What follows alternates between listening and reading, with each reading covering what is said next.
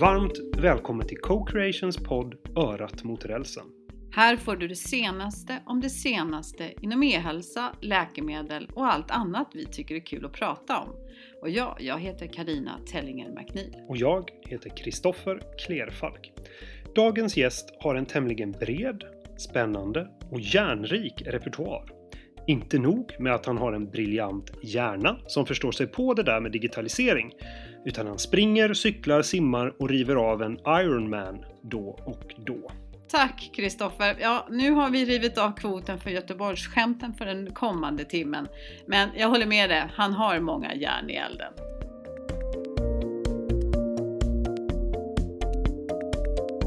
Kära lyssnare, idag är det faktiskt inte så att vi har en gäst utan vi gästar SKL och vi sitter på 12 våningen eh, där vid Slussen och tittar ut över hela härligheten. Och med oss här har vi Per Mosseby som är ansvarig och chef för eh, SKLs digitaliseringsavdelning. Varmt välkommen hit! Tack så jättemycket! Eh, per, vad har du gjort idag? Oj, eh, ja det får man nästan ta och fundera och titta lite på men eh, eh, det är lite, ganska många saker. Jag börjar med att åka ifrån Vaxholm där jag bor ehm, och det blir en hel del det blir en hel del busstid fram och tillbaka. Jag avskyr att köra bil eftersom jag sitter och håller händerna på ratten och kan inte göra så mycket annat. Men så jag satt och förberedde dagen och satt och försökte funna lite mejlskörd. Sen träffade jag vår VD vi har ju en tillförordnad VD nu sen mm. Håkan Sörman slutade, Lena Dahl. Eh, jättebra möte, stämde av en hel del interna saker där. Sen håller vi precis på nu, det, det stora som jag gjorde sen fram till lunch, det var att jobba kring hur vi ska styra och arbeta gemensamt med SKL-koncernen efter Inera-förvärvet.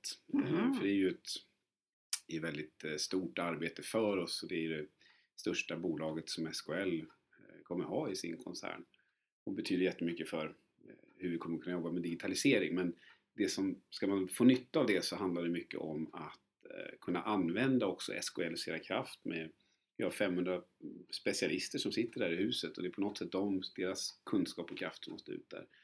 Och tänka sen hur ska vi kunna samverka med era och med Commentus i våra gemensamma digitaliseringsprojekt. Så det var lite det. Sen träffade jag... Det kan ju, det kan ju liksom liknas med vilken merger som helst egentligen. Att, att få det att fungera optimalt när det kommer två, två verksamheter som ska mötas. Ja, precis. Fast här kommer ju Inera sortera in under er. Liksom.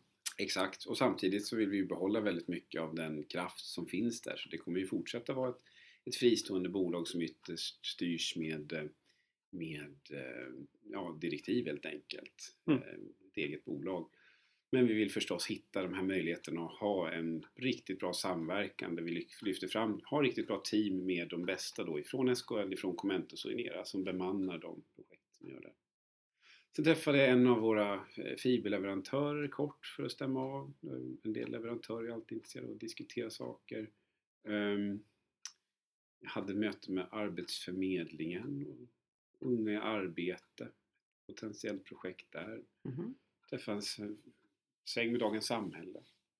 Ja, det, det, är väl kul att ha ett jobb där det, där det spänner så. Alltså det är ju en ganska varierad eh, dag ändå. Och sen spela in en podcast det, på, kvällen. Det är ju... På kvällen. Men det, ja, men det, är, det är det absolut roligaste med mitt arbete. Jag är ju som mångsysslare från grunden så det är otroligt roligt att få blanda allt där. Så den, den nästan enda gemensamma nämnaren i mitt arbete är ju digitaliseringen. Mm. Resten är ju i princip hela offentliga Sverige som man får jobba med. Om du går över till en frågeställning kring det här med digitalisering. Vad, vad, vad ser du och vad är målet med digitalisering? Och vad gör SKL och avdelningar för digitalisering rent konkret? Ja, vår avdelning, eh, vi eh, arbetar egentligen ytterst, man kan säga förenklat, för att våra medlemmar ska kunna digitalisera sig så bra som möjligt. Det är vårt mål. Mm. Och medlemmarna är? Det är alla kommuner, landsting och regioner. Ja. Eh, och alla finns med. Det är inte obligatoriskt men det ser ut så, det är vi jätteglada för. Och vår vision bygger egentligen på lokalt medskapande. Alltså att, smak, att uh, vi vill ha, vi kallar det för uh, världens smartaste välfärd. Och det tror jag att Sverige kan ta och etablera. Världens smartaste välfärd. Man frågar sig vad menar man med smartare välfärd? Mm. Jo, om man återgår, eh, tittar på de här gamla målen som finns vad gäller eh, eh, ja, de tidigare strategierna som både staten lagt fram och vi på SKL som vi pratar om enklare, effektivare och öppnare. Eh, och det är liksom de tre övergripande målen för nästan allt offentligt digitaliseringsarbete. Där vi tyckte att nej, men det här går nog att sammanfatta med smartare helt enkelt. Så vi fastnade för begreppet smartare välfärd. Vi har också en sajt som heter smartarevälfärd.se som, eh, som visar det här. Så att vår vision hämtar kraften i det där. Att vi tror att, den här, att Sverige ska kunna ha världens smartaste välfärd. Det kommer ifrån lokalt medskapande och engagemang eftersom vi har så pass starkt lokalt självstyre. Så det vi gör på avdelningen är egentligen att hjälpa då alla kommuner, landsting och regioner att kunna digitalisera sina verksamheter bättre. Hur målsätter man det? Hur vet ni om ni hjälper? Eh, vi tar och försöker mäta en hel del saker. Vi mäter eh, till exempel saker som hur mycket, många olika typer av e-tjänster som finns. Hur stora, vi vet ju till exempel att många av de områden vi ger oss in på är helt analoga ena året. Mm. Som det här med hur man fick tillgång förut till information i socialtjänsten för att kunna veta om man skulle kunna ge ekonomiskt bistånd eller inte. Eh, sen så efter att vi var färdiga med vår tjänst då, som heter ekonomiskt bistånd eller SSB Tech så i dagsläget så är det ja, någonstans 230-240 kommuner som är anslutna till det här. Så att det är en, och, och då över 90% när man tittar utifrån invånarperspektivet. Så det är en enorm effektivisering. Mm. Så man vet, man kan se där att man gör väldigt mycket nytta. Så till försöker vi titta på eh, mycket i omvärlden och i, Eh, på Sverige hur det ser ut med digitalisering inom kommuner och landsting och det, det är ju inte alltid superbra. Man ser att invånarna typiskt är väldigt digitaliserade, de har mycket kunskap om hur man använder digitaliseringen. Hela deras privatliv är i princip digitaliserat. Man har tillgång till bästa mängden smartphones och eh, läsplattor och datorer i hela världen. Och så ser man det offentligas digitalisering långt efter, ligger långt efter. Men vilken, vilken fråga är, är då, om du bara får säga en sak, är viktigast att lösa för att Sverige ska lyckas med liksom hela digitaliseringen och då om vi tittar på vård och omsorgsbiten? man får välja en sak. Alltså jag, jag, jag tycker det, är nästan tjänstefel att, att lyfta fram en sak vad gäller om man ska titta på vård och omsorg och det som behöver göras. Ehm, det är otroligt, för det finns väldigt många olika saker eh, som man måste titta på. Det första nästan som poppar upp i mitt huvud det är saker kring, ting kring lagstiftning och det låter ju väldigt tråkigt. Men uh, idag att inte information kan följa med patienten i vårdkedjan är ju liksom något som egentligen borde vara en väldigt lågt hängande frukt. Mm. Att man eh, ska kunna se till att min röntgenplåt som jag tar och går och skaffar någonstans tror jag som patient naturligtvis blir tillgänglig per automatik för resten av vårdkedjan som de till och med remitterar mig till eller någonting. Nej, men det är inte alls självklart till exempel. Eh, så det finns flera exempel på lagstiftningssidan och att naturligtvis att eh, det blir lika enkelt att kunna, jag menar allt offentlig finansierad sjukvård borde kunna kommunicera eh, också på samma villkor. Och att det ska vara lika enkelt att lämna över där så är det ju inte. Utan det finns ju finns problem på de sidorna. Sen, är, men sen kulturbiten är enorm.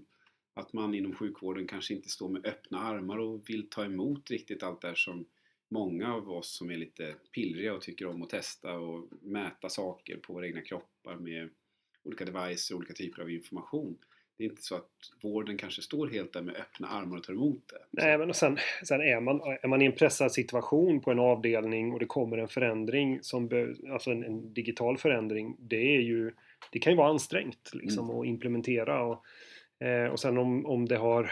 Alltså, vi har ju kommit långt på många bitar men det har ju också varit en del dikeskörningar under vägen och det är ju saker man minns. En, mm. Eh, om man uppgraderar sin, sin dator och hela mejlen havererar, det är någonting man minns. Liksom. Mm, så att det, det, är samma sak för en, för en, eh, en klinik eller en, ett, ett sjukhus. Eh, men om Sverige ska vara en föregångsnation inom e-hälsa och digitalisering, vad, vad, vad krävs då? Vad, vad, krävs att vi gör? För som, som, som jag ser det så har vi all möjlighet. Mm. Vi har liksom ett, en, en briljant infrastruktur, vi har ett, ett tryggt land, det finns eh, väldigt många flöden som, som fungerar, vi har en sjukvård i, i världsklass. Eh, men vad är, det, vad är det som krävs för att ta liksom, nästa steg? Jag, jag tror nästa steg, och, det, och, och där försöker vi faktiskt arbeta kring, det är att gå mot någon form av eh, samverkan 2.0. Eh, vi har ju nu tagit och slagit fast en vision för e-hälsa och ser ju Alltså mellan oss och mellan eh, regeringen. Och vi ser ju att nästa steg måste vara att kunna börja bryta ner den här visionen till att faktiskt bli, att det ska hända saker i praktiken. Eh, och för att göra det så måste vi hitta former för hur vi gör det, ta fram flera, räknar vi med, olika handlingsplaner som till exempel just tittar på hur ska vi kunna hantera lagstiftningen för att få till det här med Mm. Vilka är det som du ser ska bryta ner de här? Ja, det kommer vara, ytterst så kommer det behövas någon form av alltså, politisk styrning tror jag. Jag tror man behöver ha med sig politiken som tar och sätter riktningen för det här. Mm. Ehm, och där har ju vi politik på vår sida, så finns det statsråd på, på andra sidan. Som man behöver, som behöver ha egentligen möten där de träffas eh, regelbundet och, och tar och kommer överens om riktningarna. Sen kommer man på tjänstemannanivå behöva träffas mycket oftare och just definiera upp och sätta upp delprojekt och börja beta av vad det är man kan göra. Till Mm. exempel vad gäller lagstiftningsområdet och liknande. Men det finns, och det finns andra saker. Det har väl varit ganska eh, lite oklart så om man tittar på till exempel E-hälsomyndigheten jämfört med eh, Socialstyrelsen, jämfört med SKL, jämfört med NERA. Den här kartan, vem gör vad? Hur borde det se ut? Kan man komma överens om det så att man inte gör dubbelarbete? Hur jobbar vi med standardiseringsfrågor för att vara säkra på att vi får fram saker och ting som, lös, Mm. som funkar? Mm. De här frågorna tror jag att vi behöver komma tillsammans för att lösa och det, där har vi liksom inte haft den spelplanen där vi träffas ifrån, ifrån huvudmän inklusive med SKL, myndigheter, departement och liksom komma överens om så här ser kartan ut, i den här ordningen tar vi bryter ner det, ni gör det här, ni gör det här, vi gör det här. Men om du skulle ge något råd till man eller kvinna på gatan här i Sverige. Vad är det viktigaste att känna till när det gäller digitaliseringen inom offentlig sektor? Egentligen så ska man ju knappt behöva känna till det tycker jag. Det är det som... eh, Oftast blir ju mötet med det offentliga och digitalisering är ju en besvikelse idag för väldigt många. Eh, Tittar man på, just när vi har tittat på hur det ser ut inom eh, vår del av sektorn så säger ju någonstans ungefär hela tiden 70% säger att de vill ha vård digitalt. De säger att de vill ha skola digitalt. De säger att de vill ha eh, i princip alla kommun, kommunala och landstingsverksamheter levererade digitalt. Men om man frågar sen om man tycker att eh, kommuner och landsting lever upp till deras förväntningar så ligger det på 20 procent dessvärre. Eh, och det är lite tråkigt. Så, så jag skulle säga att eh, egentligen så ska det vara att liksom stå på dig. Nöj dig inte med att just offentlig sektor ska leverera saker som är subpar. För man jämför ju med sånt som att nej men det går jättelätt att ta och boka en resa till eh, Tokyo på fem minuter med ett system där det finns en mängd olika flygbolag och Mm. resebolag som säljer de här resorna. Och vem som helst nästan kan ta och sätta upp en lösning för att få ihop det här. Men ska du boka en eh, badmintonlokal i grannkommunen så är det omöjligt. Det, det måste vi kunna fixa till. Så att jag, jag skulle säga rådet är att liksom se till att gnälla lite grann på eh, hela det offentliga Sverige så att vi vågar gå framåt lite tuffare. Och steget, det är ju inte så att vi måste uppfinna massa saker utan det handlar om att samordna och göra gemensamma grepp och, och, och ta några gemensamma beslut. Sådär. Men jag skulle Eh. samtidigt vilja önska att det fanns lite mer öppenhet och tydlighet i. För att jag menar, som patient idag så tror man ju att informationen är tillgänglig var jag än söker vård. Mm. För alla sitter ju där med sina datorer Mm. och skriver på dem. Och då får man ju en bild av att ja, men den där informationen den finns ju tillgänglig mer än bara på den där datorn. Mm. Och där kan jag tycka att vi inte är, vi är inte riktigt öppna med hur det verkligen ser ut. Nej, nej men, och, och folk kanske inte ska i gemene man behöva veta hur det fungerar. Däremot så måste vi ju, jag tror vi måste vara bättre på att eh, se invånarnas, eh, patienternas förväntningar. Liksom. Och nu ser förväntningarna lite annorlunda ut än vad de gjorde för 20, 30, 40 år sedan. Nu Mm. förväntar man sig att, som du säger, det ska liksom finnas tillgängligt den informationen. Man, man, man kan inte förstå att den här eh, nya läkaren eller sjuksköterskan man möter inte har den här informationen som de, man tyckte det var ju liksom sjukhuset eller Ja. vården som frågade om det här fick det för någon dag sedan. Nej. Eh, Mm. Det ni hörde, kära lyssnare, vän av ordning kanske hörde att det plingade till här för ett tag sedan och det kan man tro att det var någon av dem som eh, spelar in den här podcasten som hade glömt stänga av ljudet på sin dator. Men det var det inte utan det var SKLs eh, klocka som ringer för kaffe. Så det är alltså dags nu för oss att gå och ta en liten kopp kaffe men vi är alldeles, alldeles strax tillbaka. Ja, precis. Ja, men vi är tillbaka igen här. Eh, det är ju gott kaffe på SKL. Vi var, jag och Karina Tellinger McNeil var tidigare idag på E-hälsomyndigheten där man har valt att upphandla en ny kaffeleverantör och då har man gjort en rejäl studie och sett så att det verkligen eh, blir det kaffet man vill ha. Så man har fått göra en, en eh, dubbelblindad randomiserad studie, vilket vi fick erfara idag. Ja. Och gott kaffe där också. Jo, då så är vi tillbaka. Då är vi tillbaka ja, då tänkte vi hoppa över till det här med digitaliseringen av kommunerna. Mm. Du har ju erfarenheter av att jobba inom kommun. Du var ju tidigare kommunstyrelsens ordförande i Vaxholms kommun. Så vad säger du, vad är dina erfarenheter av digitalisering utifrån ett kommunperspektiv? Det ser väldigt olika ut ehm, och eh, lite förenklat så oftast är det så att de stora kommunerna kan vara väldigt väl digitaliserade och ha ganska goda resurser kring det. Och de minsta kommunerna är väldigt ofta tyvärr inte särskilt väl digitaliserade. Så det är liksom ett, ett av huvuddragen i det. Ehm, sen är det precis som resten, eh, alla andra aspekter av den kommunala verksamheten, den är ju så otroligt eh, mångfacetterad. Det finns ju otroligt många rollem som är befäst i en kommun. Man kan prata, prata ibland om 500 olika roller som brukar eh, besättas på olika sätt. Men no- normalt sett kanske det för en liten kommun bara finns ett eh, 150-tal olika typer av personer som ska ha de här hattarna.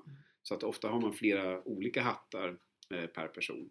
Så att när vi tittar från ett digitaliseringsperspektiv så då, då kan det här betyda att den lilla kommunen är helt i händerna på att man måste ha färdiga lösningar i princip som fungerar för att det ska gå att digitalisera.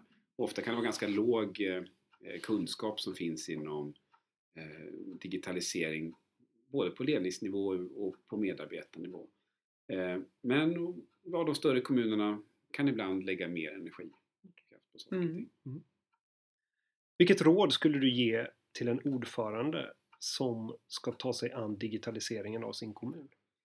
Eh, det är då ska jag se, nummer ett är att se till att man har eh, en god kompetens i ledningen. Och eh, vi brukar säga att gång efter annan när vi ser de som är framgångsrika så ser vi att det finns någonstans där nästan en, en, en trojka som är ganska eh, överens kring målsättningar och har en förståelse för grundläggande digitalisering. Och det är oftast just då den politiska ordföranden som finns där, landstingsordförande eller kommunstyrelseordförande. Det är den högsta tjänstemannen då, kommundirektör. Och det är den som ansvarar för strategisk digitalisering. Det kan vara en IT-direktör eller CIO eller CDO pratar man om ibland. Mm. Om de tre personerna är så att säga starka kort, då brukar digitaliseringen funka väldigt väl i den kommunen eller det landstinget. Eh, Och så ser man att där det finns brister, kanske bara två av tre som är med på tåget, eller man ska säga, så ser vi att det, det blir ett sämre resultat. Så det första och viktigaste rådet jag skulle säga det är att se till att de här nyckelmedarbetarna och egentligen hela ledningsgruppen faktiskt är, är med på tåget. Och det, det kan krävas lite strukturerat, strukturerad kompetensutveckling. Man får lägga ganska många heldagar tror jag på ett år för att ta och lyfta de här nyckelpersonerna. Hur viktigt är infrastrukturellt att bygga ut eh, fiber överallt i hela vårt rike? Otroligt viktigt. Jag tycker att eh, bredbandsmålet om 90% är alldeles för lågt ställt. Eh, det är bara att titta på de tjänster som vi vet att vi kommer behöva leverera digitalt Mm. eh, för att förstå att det här kommer bli en demokratifråga. Det kommer bli en, en rättvisefråga på flera olika sätt. Det, det är ju om det är så att vi kommer behöva högkvalitativa tjänster inom omsorgen, inom vården, inom skolan och kunna ha tillgång till dem hemma. Mm. Så många av de här för att ha en tillräckligt god kvalitet kommer behöva en, en det vi ser som fiberuppkoppling idag, någonting Mm. som vi kan ha kvalitetssäkrat.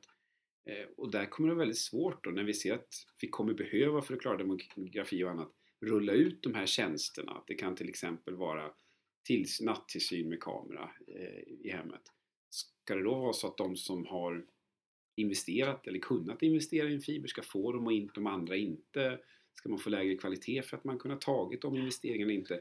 Och tittar man på kostnaden för alla de här, skulle vi dra fiber till varenda eh, hushåll i Sverige så ligger det någonstans kring 50 miljarder, men det ligger i kostnader. Men skulle man man bara bort 1% så sjunker kostnaden ganska dramatiskt. Det går ganska lätt om man skulle kunna börja räkna på all den nytta vi får när vi når en total penetration och se att det här kommer gå att räkna hem. Ja. Men det är svårt, ibland räknar man inte på alternativkostnaden. Nej, det är klassiskt. Ja. Jag ser ju bara utifrån ett, ett eh, vårdperspektiv att i framtiden så är jag intresserad av att kunna tillgodogöra mig all tillgänglig vård. Och om Mm. delar av den kommer digitalt, då måste jag ju vara uppkopplad på ett kvalitativt sätt för att kunna tillgodogöra mig det. Du pratade tidigare om det här med förändring inom Inera och SKL och att SKL ska nu ta över ägandeskapet av Inera. Mm. Och Inera är ju ett landstingsägt bolag som vi sa tidigare. Alltså vad kommer det här innebära för SKL och för din avdelning? Blir det liksom nya rollfördelningar? Vad händer? Vi, vi kommer ju, det är ju en ny roll i alla fall som vi iträder oss som inte fanns riktigt förut och vi, vi kommer ju fungera som en sorts spindel i nätet där, där vi försöker hitta en beredningsform då där vi ser när vi har gemensamma lösningar där vi ska ta och blanda in både SKL, Inera och Commentus då, då ska vi hitta ett lite mer streamlinat sätt hur vi jobbar med det, hur vi kan ta och se, är det här ett projekt som är någonting vi bör syssla med eller inte? Och det kommer behöva vara en hel del intern prioritering av det där för att man kan säga att vi kan sätta upp en lista nu på 100 projekt som vi ser att det finns en nytta i och som inom citationstecken går hem rent ekonomiskt. Mm. Eh, Så problemet är inte att hitta projekt där det finns en uppsida utan problemet är nästan att kunna välja i vilket fall krävs det att det just är SKL, Inera som finns in och gör det för det kanske inte är någon annan riktigt som kan göra det. Och vilken av de här två bra projekten är egentligen bäst? För vi klarar bara av fyra nya projekt i år men här finns det åtta som är bra. Så att även om vi ser att eh, det finns inom citationstecken hur mycket som helst göra så måste vi hitta ett bra sätt att ta och prioritera det på. Och där blir, kommer vi som vi ser det få en, en sån coachande roll i, i arbetet och det är det vi håller på att designa just nu. Du säger coachande roll. Är det en Mm. beslutande roll eller är det en inhämtande av synpunkter? roll? Jag skulle säga att det är en beredande och i många delar coachande roll därför att ehm, Dels så, så ser vi att vi kommer inte kunna fatta beslut om gemensamma lösningar om det inte är konsensusbeslut. Vi vill fortfarande hitta Mm. eh, en styrning av våra bolag så att man styrs med direktiv helt enkelt. Det ska inte vara så att man går in och detaljstyr bolagen utan man måste då kunna eh, ha bolag som jobbar med affärsmässig grund Eh, och sen så ska man ju naturligtvis utifrån helhetsperspektivet och vara överens om att det här är bra utifrån SKLs perspektiv, det är bra utifrån Neas perspektiv, bra utifrån Conventus perspektiv beroende på vilka som finns med. Och då så ska man komma fram till ett gemensamt beslut. Och sen säger jag också coachande därför att det kan inte vara så att eh, vår avdelning, eh, DI, avdelning för digitalisering, är några som sitter och ska vara en flaskhals i det där utan vår dröm egentligen i någon form av framtid är att vi inte ska behöva finnas som avdelning utan de avdelningar som jobbar med sakfrågor, det är de som egentligen de som- äger sakfrågorna. Mm. Ehm, Skulle vi i framtiden inte behövas, då är nästan, på säga, ingen gladare än vi. Nu, jag tror att det är en bit bort eh, innan vi är där, men vi vill egentligen att så mycket som möjligt av incitamentet och kraften ska ligga närmast de som faktiskt jobbar med sakfrågorna. Idag är det ju en ganska stor eller, ja, summa pengar, även om många tycker att den är alldeles, alldeles för liten ändå, som landstingen lägger in i en gemensam pott som Inera Mm. sen hanterar och, och utvecklar tjänster och infrastruktur för. Nu är det ju flera landsting som är på gång med sina upphandlingar för framtidens vårdinformationssystem. Mm. Vilket sannolikt kommer in, verkar innebära att, att det kommer behöva göras en hel del investeringar man säger, lokalt inom varje landsting. Då kanske inte pengarna räcker att lägga den gemensamma potten på samma sätt. Hur ser du på det? Jag tycker vi lägger alldeles för lite pengar på det gemensamma eh, och så länge man kan visa bra business case att när vi lägger ytterligare en krona på det gemensamma så sparar vi mer än en krona som vi inte behöver lägga lokalt längre. Så länge den kalkylen håller så bör vi fortsätta ta och pytsa in mera i det gemensamma. Och där ligger ju idag, om vi säger att eh, lite olika var pengarna kommer ifrån, men Inera omsätter 700 miljoner kronor ungefär. Det är någonstans i alla fall 70 kronor per invånare utifrån landstingets perspektiv Mm. som, som går dit. Eh, och det kan man tycka historiskt sett då är mycket pengar men å andra sidan, nu är inte allt skattefinansierat, mycket kommer från andra källor. En del direkt från landstingen när de köper saker, ibland från statliga initiativ och sådär. Men på den kommunala sektorn så är siffran då nästan noll. Eller liksom det är någon krona, det är vår lösning, det är SSB-tech, men där lägger man väldigt lite på det gemensamma. Så det, det är tveklöst så att den kommunala sidan kommer behöva rampa upp och där finns det en jätteuppsida av att lägga mer pengar i det gemensamma för att man sparar så mycket. Mm. Men jag är övertygad om att även på e-hälsans område så skulle man kunna säkert fördubbla eller tredubbla det man lägger på det gemensamma. Mm. Kära lyssnare, ni lyssnar alltså på Co-Creation Health Groups podcast Örat mot rälsen. Och idag så pratar vi med Per Mosseby som är chef för avdelningen för digitalisering på SKL. Och det är ju så här att man blir lite varm om hjärtat som företagare och entreprenör när man hör hur du beskriver just eh, kost-nytta eh, och eh, kosteffekt i de här kronorna som, som snurrar runt. Va? Och du kommer ju själv från att vara en drivande entreprenör inom IT och internet. Hur är det? Jag, jag känner igen din energi lite grann i många av mina bekanta som driver bolag och kanske lite i mig själv också. Att, att du, du är van vid att få en hel del saker gjort. Eh, du, du har en, en en aktivitetsnivå som är ganska hög i träning och i, i runt omkring dig så ser man att det, det händer väldigt mycket saker. Hur är det att jobba och vara tjänsteman i en politiskt styrd organisation som SKL? Det här är alltså då, kära lyssnare, dagens personliga fråga och det är ju eh, valfritt vad man vill svara på den. Ja, men jag, jag ska vara väldigt ärlig för det, det, det, det, det är en kul fråga. Eh, jag har ju nästan aldrig, eller nu nästan i dagarna, jag har aldrig jobbat längre på ett ställe än här. Jag passerar precis nu fyraårsstrecket och jag, jag låg kanske på mitt första bolag då i och för sig då på fyra och ett halvt år. Men jag känner ju att det är så fruktansvärt roligt att gå till jobbet varje dag.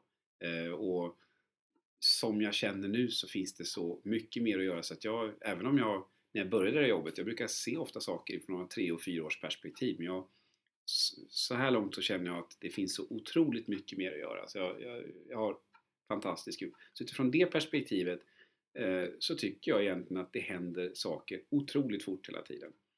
Det andra perspektivet är ju att man kan tycka att saker går evinnerligt långsamt. När jag började här så började ju tankarna kring just ett Inera-förvärv till exempel. Och just van ifrån eh, det privata näringslivet när man just när det handlar om bolagsförvärv. Jag är van med veck, alltså processer som kanske tar åtta veckor. Från att man beslutar sig till att nu vill vi överväga om det här ska ske en transaktion eller inte tills att det faktiskt är en överenskommelse på plats. Man genomför due diligence och tittar på verksamheten, man tittar på ekonomin, man fattar beslut och så är det klart. Mm. Så är det ju inte riktigt på, på gott och ont i den offentliga världen. Hur lång tid har det tagit nu? Ja, det har tagit alla fyra år då i princip. Eh, och mera, ja. om man ska rent konkret, egentligen ganska aktivt någonstans tre år. Fördelen med det här, det är ju alltså förankringsprocessen för att den har varit så pass lång så att nu, det här är ju en självklarhet upplever jag mer eller mindre från landstingen som säljer. De känner sig trygga med att, att SKL vill göra det här. Man känner sig trygg med att vi kommer inom citationstecken inte förstöra det som är bra inom Minera nu utan istället hitta sätt att kunna göra det ännu bättre och få mer skalfördelar och, och inte minst och mycket bättre för kommunsidan. Um, så att på så sätt så får det ha varit värt de här tre, eh, tre fyra åren som det har gjort. Men det är också viktigt att man gör saker på ett ordnat sätt så att mm. man inte... Alltså det är ju... Det, ibland får det inte gå för fort med saker heller. Mm. För då är det ju... Då, det kan bli ganska kostsamt om det, om det är något som spårar ur. Mm. Eh, men sen, du har ju en intressant roll där du, där du får en, en inblick och en insyn och en möjlighet att påverka. Mm. Och det är ju också något som man ser som en, en jätteviktig faktor. Känner man att man kan påverka sin, sin arbetssituation så är, är man gladare på jobbet mm. så att mm. säga. Mm. Och att man, och man känner att man gör så mycket nytta för att det är återigen där vi, det offentliga Sverige har faktiskt en digitalisering som är väldigt eftersatt på många områden. Och det betyder ju att när man väl lyckas med någonting så, så ger det väldigt mycket effekt. Då är man mm. glad. Vi har ju kunnat se att du, förutom att du jobbar här och du eh, ja, gör massor med eh, sportaktiviteter, Ironman och, och cyklar till Paris och, och, och, massor med spännande aktiviteter. Så står det också att om man vill gifta sig i Vaxholm då, mm. då ska man vända sig till dig. Ja, det kan man göra. Var, hur kommer det sig? Nej, det är ju eh, vi- borgerlig vigselförrättare. Det är ganska vanligt att om man är kommunstyrelsens ordförande så får man det lite grann på köpet. Folk som tycker det är kul att kunna gå till kommunalrådet och bli gift. Ehm, Och eh, sen är det ofta så att man får behålla det här uppdraget om man då har skött sig och vill. Så jag, tyckte att, jag tycker att det är en av mina roligaste såna här Kan du berätta någon rolig eller märklig vigsel? Har det varit något tillfälle? Ja. Ja, Det här var lite udda. eller? jag, jag, senast, eh, en av de senare vigslarna, då vig- vigde jag en kompis i, eh, i sittande i princip under ett samtal på Operakällaren. Det var väldigt kul. Eh, en gång så vi- vigde jag faktiskt några här på balkongen här ute på eh, SKL på en lunch. Eh, ja, och sen så, det märkligaste vigt, vigt nog någon gång, det var faktiskt i Vaxholm när det var några som kom till mig och de ville absolut ha det så snabbt som möjligt på kontoret och de verkade inte särskilt glada liksom framåt kring det där utan de ville verkligen, det var något administrativt de ville få gjort och då kände man så här lite nästan i hjärtat att gör man rätt nu? Samtidigt är det klart att pappren är ordning och de vill gifta sig så får man göra det. Men det, det har, man får möta på, det är många olika människoöden man får träffa på gör det. Du, eh, hur, eh, hur... Det finns ju olika eh, profiler i, i, vår, eh, i vår värld som, som har intresse för det här med digitala prylar. Eh, har du någon så här, det här är min senaste digitala pryl som är, som är lite... Det har jag faktiskt. Och det, det är som jag faktiskt tog och öppnade nu bara för några dagar sedan. Eh, och det, jag är lite eh, beroende nästan av Kickstarter-kampanjer. Jag vet Mm, inte om man säger absolut, crowdfunding. ja. Och, och eh, då så... eh, En, den senaste saken som jag fastnade för, eller det var inte den senaste för det var över ett år sedan jag tog och investerade i den. Men det var en, ett, företag, ett svenskt företag som heter Myonix som tillverkar världens första eh, mus som klarar av att ta gamingmus som klarar av att mäta pulsen. Så det är alltså Mhm. till för när man sitter och spelar. Jag, jag och mina barn, jag två, jag har två, jag har tre barn, men de två äldsta sönerna spelar ju, vi spelar till Counter-Strike. Då. Mm. Och eh, då har man då en särskild gamingmus som också mäter pulsen under tiden. Så man märker liksom när i spelet som man då får... Kan andra se det också? Kan din Ja, det fru finns sätt att se dela med. det? Ja, Och- det, här, utan Det här är ju helt underbart. eh, Det är ju helt underbart nördigt. Behöver man verkligen det kan man fråga sig. Men jag tycker att det är väldigt kul i alla fall. Vän av ordning undrar ju nu då, i och med att du har gjort reklam för det här, om du har ägande i det här Nej, bolaget också. nej, jag, jag kommer inte ihåg. Det där var nog en sån där sak som jag tog och köpte någon, eh, någon kväll där liksom. Ja, Det är var- underbart. Men, det var liksom, men sen, man hinner ju glömma bort det. Det är som är roligast med de här en del kickstarter Man glömmer bort att man har lagt eh, 700 kronor på det där någon gång. Och sen Ja. så plötsligt så dyker upp ett paket i brevlådan Ja, ett är- år senare. Det är framtid. Ja. Det, är, det är roliga grejer när, det, när man hittar den typen av finansiering. Jag har coachat ett antal bolag eh, och som har gått Kickstarter-vägen som sen har blivit. Det är superkul. Ja. Kära lyssnare, ni har ju alltid möjlighet att eh, skriva till oss och önska nästa gäst. Eh, vi har några på eh, listan som står i, kö här. Och vi kommer spela in nästa om två veckor. Men ni har alltid möjlighet att tycka till. Och är det något annat ni tycker vi ska ta upp, något område eller något annat ni vill, så är det bara att, att ni gör Eller har det. du synpunkter på det vi har sagt? Ja, eller så här bara, hallå, jag håller inte med om det här, vi vill skapa debatt. Så får man absolut göra det. Eh, vi tänkte väl runda av lite grann eh, och tacka så mycket. Eh, det var kul att ses. Och sen så undrar jag, har du någon ny, nytt sånt här? Jag ska springa tre mil eh, ikväll när jag kommer hem. Eller är det, eller vad har du, någon, har du något du har i pipeline nu med träning? Mm, ja, jag har jag är till nästa års Ironman. Eh, som är då Kalmar 2017. Men det som inte är riktigt färdigt än, jag skulle gärna vilja gå upp på Aconcagua. Och vi har lite, vi var ju ett gäng som gick upp på Kilimanjaro i januari. Mm. Vi har en delmängd av det gänget nu då som pratar om att försöka hitta ett, ett, eh, sån till alltså Sydamerikas högsta berg. Det hade varit jättekul. Kilimanjaro är ju irriterande för man går ju upp och ner så mycket. Ja. Du går, ner, det. du går ner så mycket Ja. för att sen kunna gå upp och sen går du ner jättemycket igen för att gå upp. Okej, nu börjar det här bli ett reseprogram. Det är Ja, precis. Jättebra. Ja, Toppen. men eh, tusen tack för att ni lyssnade. Vi hörs snart igen. Hej då! Hej då! Hej då! Denna podcast är gjord av Co-Creation Health Group. En konsultgrupp inom management, e-hälsa och läkemedel.